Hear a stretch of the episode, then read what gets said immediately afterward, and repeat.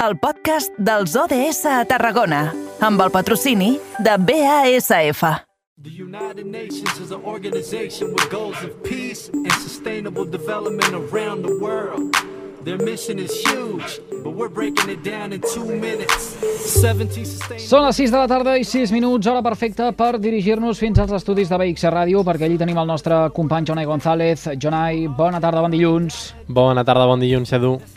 Per tots aquells oients que ho desconeguin, ara el que fem és agafar l'agenda 2030 de les Nacions Unides per repassar els ODS, els Objectius de Desenvolupament Sostenible, un dels puntals d'aquest programa des que vam començar la temporada el passat mes de setembre. I avui la cosa va de transició energètica i és per això que ens hem de situar a la seu del Consell Comarcal del Baix Camp, Jonai. Sí, avui destaquem el Consell d'Alcaldies que va tenir lloc el passat 19 de gener, on va participar la directora general d'Energia de la Generalitat de Catalunya, Assumpta Ferran, per parlar sobre transició energètica a la comarca i també al país. Qui també va participar va ser Rosa Maria Aballó, presidenta del Consell Comarcal del Baix Camp, que és la nostra convidada d'aquesta tarda. Molt bona tarda. Molt bona tarda a vosaltres. Bé, comencem parlant d'aquesta reunió i una mica sobre aquestes propostes que es van posar eh, en comú i sobre la taula, una reunió per tractar la sobirania energètica del Baix Camp.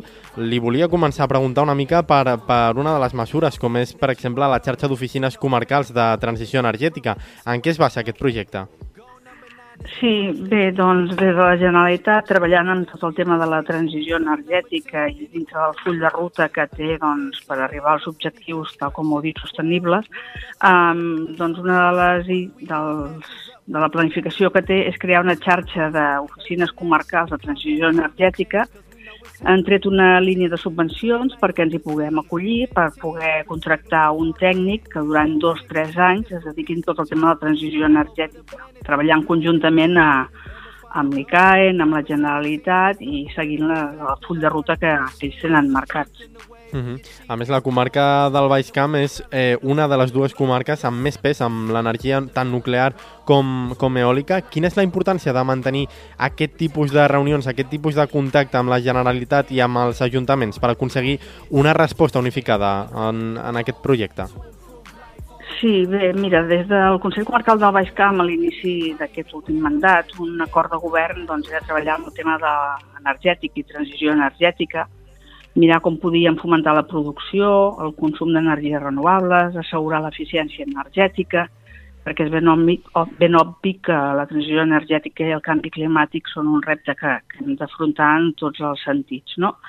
Uh, llavors, bueno, a partir de les reunions que hem tingut amb els municipis hem vist que qui més qui menys doncs, té pensat portar a terme inversions i accions en aquest sentit i el que creiem és que si des del Consell Comarcal es podia donar una empenta, un ajut en tot el tema de, de licitacions, amb tota la burocràcia, eh, contractacions, tramitar les subvencions, fer memòries, doncs que, que era una tasca que nosaltres havíem de fer, no?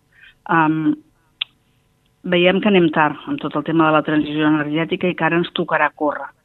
I córrer no vol dir que ho haguem de fer malament, al contrari, que hi hem de destinar tots els recursos que puguem però ja que tenim l'oportunitat, doncs, intentar fer-ho el millor possible i donar el cop de mà aquests els municipis perquè la veritat és que la normativa canvia constantment, eh, la Generalitat està fent decrets doncs, per afavorir aquesta transició energètica i hem d'estar al dia de totes les normatives, dels nous decrets, de les subvencions que van sortint constantment amb el Next Generation per poder-nos acollir en tot allò que, que sigui del nostre interès.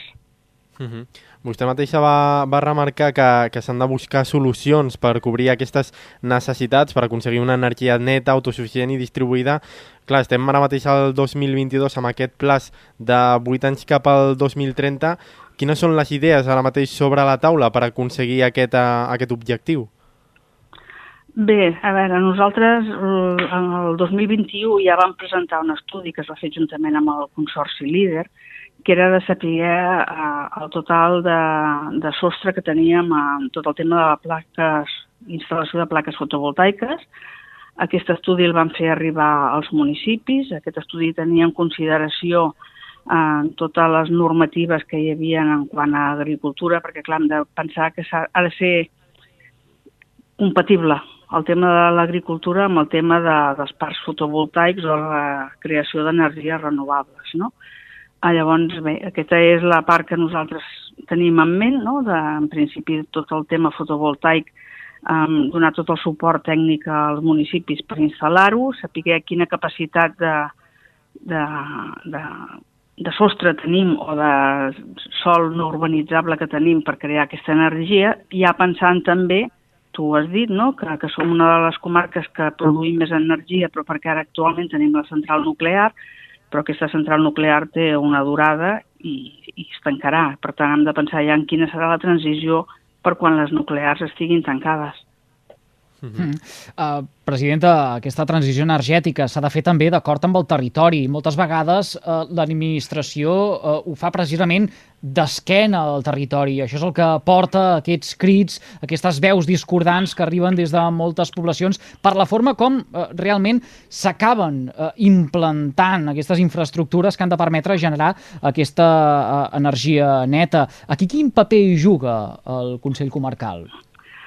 En principi, amb aquesta xarxa d'oficines comarcals, el que es preveu és saber en quin, quina quantitat de producció d'energia hem de tenir el 2030 i el 2050 i com a comarca pensar tots en general i tots en comú de saber a on posarem aquesta energia, com la crearem i, i quins són els, els punts on hem de posar aquesta energia. A veure, hem de saber i tots hem de tenir clar que si tot evoluciona necessitarem cada cop més energia. I per tant ens hem de posar d'acord a, a on, com i quan la volem. Que és una feina, una feina difícil, sí, però si més no ho hem d'intentar, perquè és que no ens podem tancar en banda a, a tot Mm, els, experts, eh, els experts, però, senyora Balló, també apunten que el futur eh, s'escriu amb local, és a dir, amb la creació d'aquestes eh, xarxes locals eh, que generin l'energia en els llocs propers on s'acabarà eh, consumint i realment sobre la taula ara mateix hi ha uns projectes de línies de molt alta tensió que han de travessar el país. Sí, sí, sí. Bueno, nosaltres des del Consell Comarcal hi hem lluitat molt en contra d'aquest amat. Per tant, nosaltres també creiem en una energia amb una generació renovable, distribuïda i participada per l'horitzó del 2030. Per tant, hem de mirar com evitar l'ocupació innecessària de territori i incorporar la planificació energètica, conjuntament amb la planificació territorial de, de totes les energies renovables. O sigui, hem de fer possible la participació local en els projectes i la necessitat de donar a conèixer els projectes, dialogar amb el territori i cercar consens amb totes les parts, promotores, veïns, ajuntaments i propietaris dels terrenys. Uh -huh. En aquesta reunió també hi va ser la directora general d'Energia de la Generalitat, Assumpta Ferran, que ja ho comentaven abans. Eh, com d'important és la seva presència en, en una reunió eh, que, que això, que vol escriure una mica al, al futur? Sí, bé, ell ens va venir a explicar una miqueta quin és el full de ruta de, de la Generalitat. Per tot això ens va dir doncs, bueno, que, que, que és un titànic tota la feina que s'ha de fer. Ens va dir doncs, quines modificacions de, de les lleis hi havien hagut, no? Per exemple, hi va haver una ara al gener que ja es va provar que era el desplegament... Era l'acceleració del desplegament de les energies renovables distribuïdes i participades. O sigui, és perquè doncs, les comunitats de veïns puguin fer amb la divisió horitzontal i crear xarxes de compartides d'electricitat Uh, també la modificació que es va fer del Real Decret del 2019 per tot el tema de les fotovoltaiques.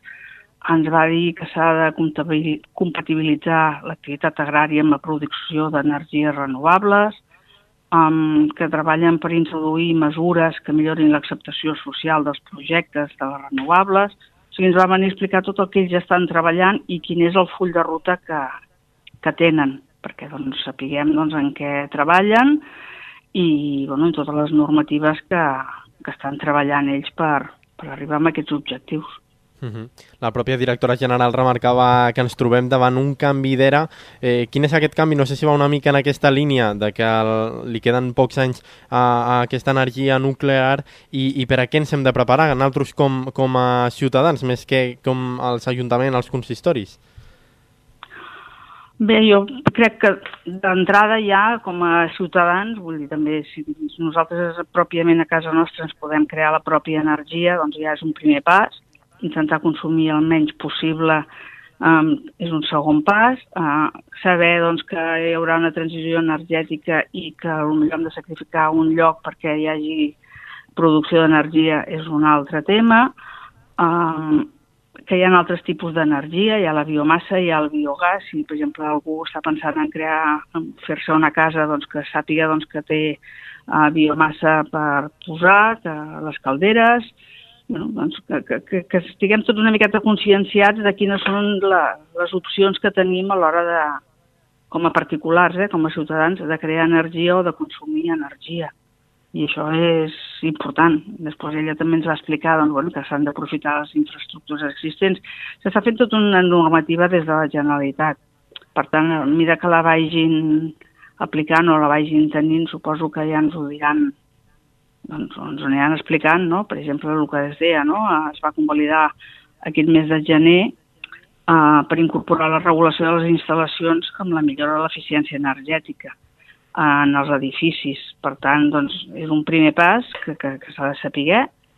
Um, el tema de l'acceleració de les energies renovables distribuïdes i participades, doncs, perquè doncs, es puguin fer um, xarxes compartides als edificis, no? Fins ara la normativa doncs, no t'ho permetia, doncs ara ja, ja ho permet, que es puguin posar plaques solars i millor tota la comunitat pugui compartir aquella electricitat que es produeix en aquell edifici.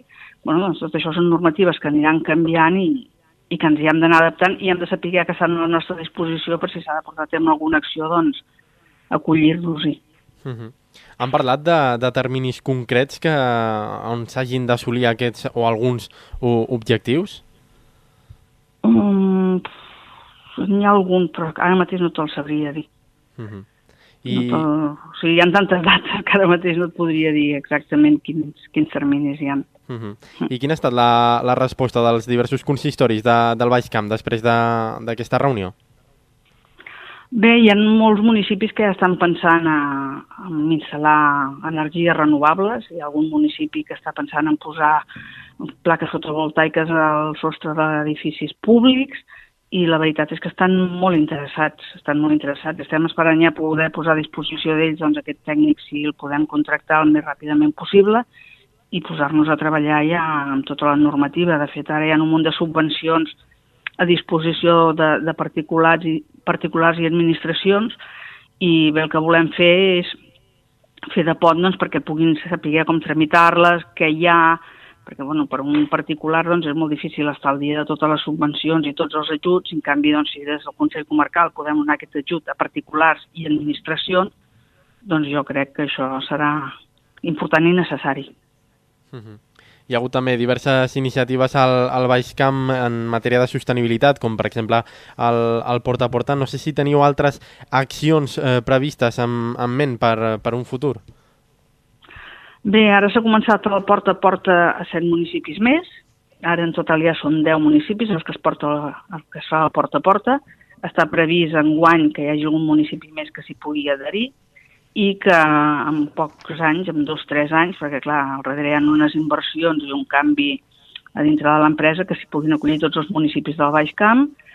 Està previst també que en breu comenci a Montroig, Cambrils i, i Hospitalet, el que és la costa també, la, eh, una recollida de porta a porta, això està previst a veure si pot ser ja per enguany, i bé, a ser com se, doncs hi ha inversions pendents amb el tema de, de la millora del tractament de la fracció resta, en la, la millora de la planta de compostatge, en una caldera de, de biogàs per cremar tota la fracció vegetal, vull dir que hi ha moltes inversions en, en, en marxa, que jo crec que en mm. dos o tres anys, perquè són inversions importants, doncs en dos o tres anys ja, ja seran efectives i ja seran una realitat. Doncs va, que nosaltres aquestes uh, petites inversions que es fan en matèria de sostenibilitat les anirem desgranant, les anirem coneixent en properes edicions d'aquest espai dels objectius de desenvolupament sostenible que cada dia uh, encarem, si fa o no fa, en aquesta hora al carrer Major de les Ràdios de la xarxa al Camp de Tarragona. Rosa Maria Balló, presidenta del Consell Comarcal del Baix Camp, agraïts uh, que hagi acceptat la trucada del programa. Que vagi molt bé. Fins la propera. Moltes gràcies. Adéu.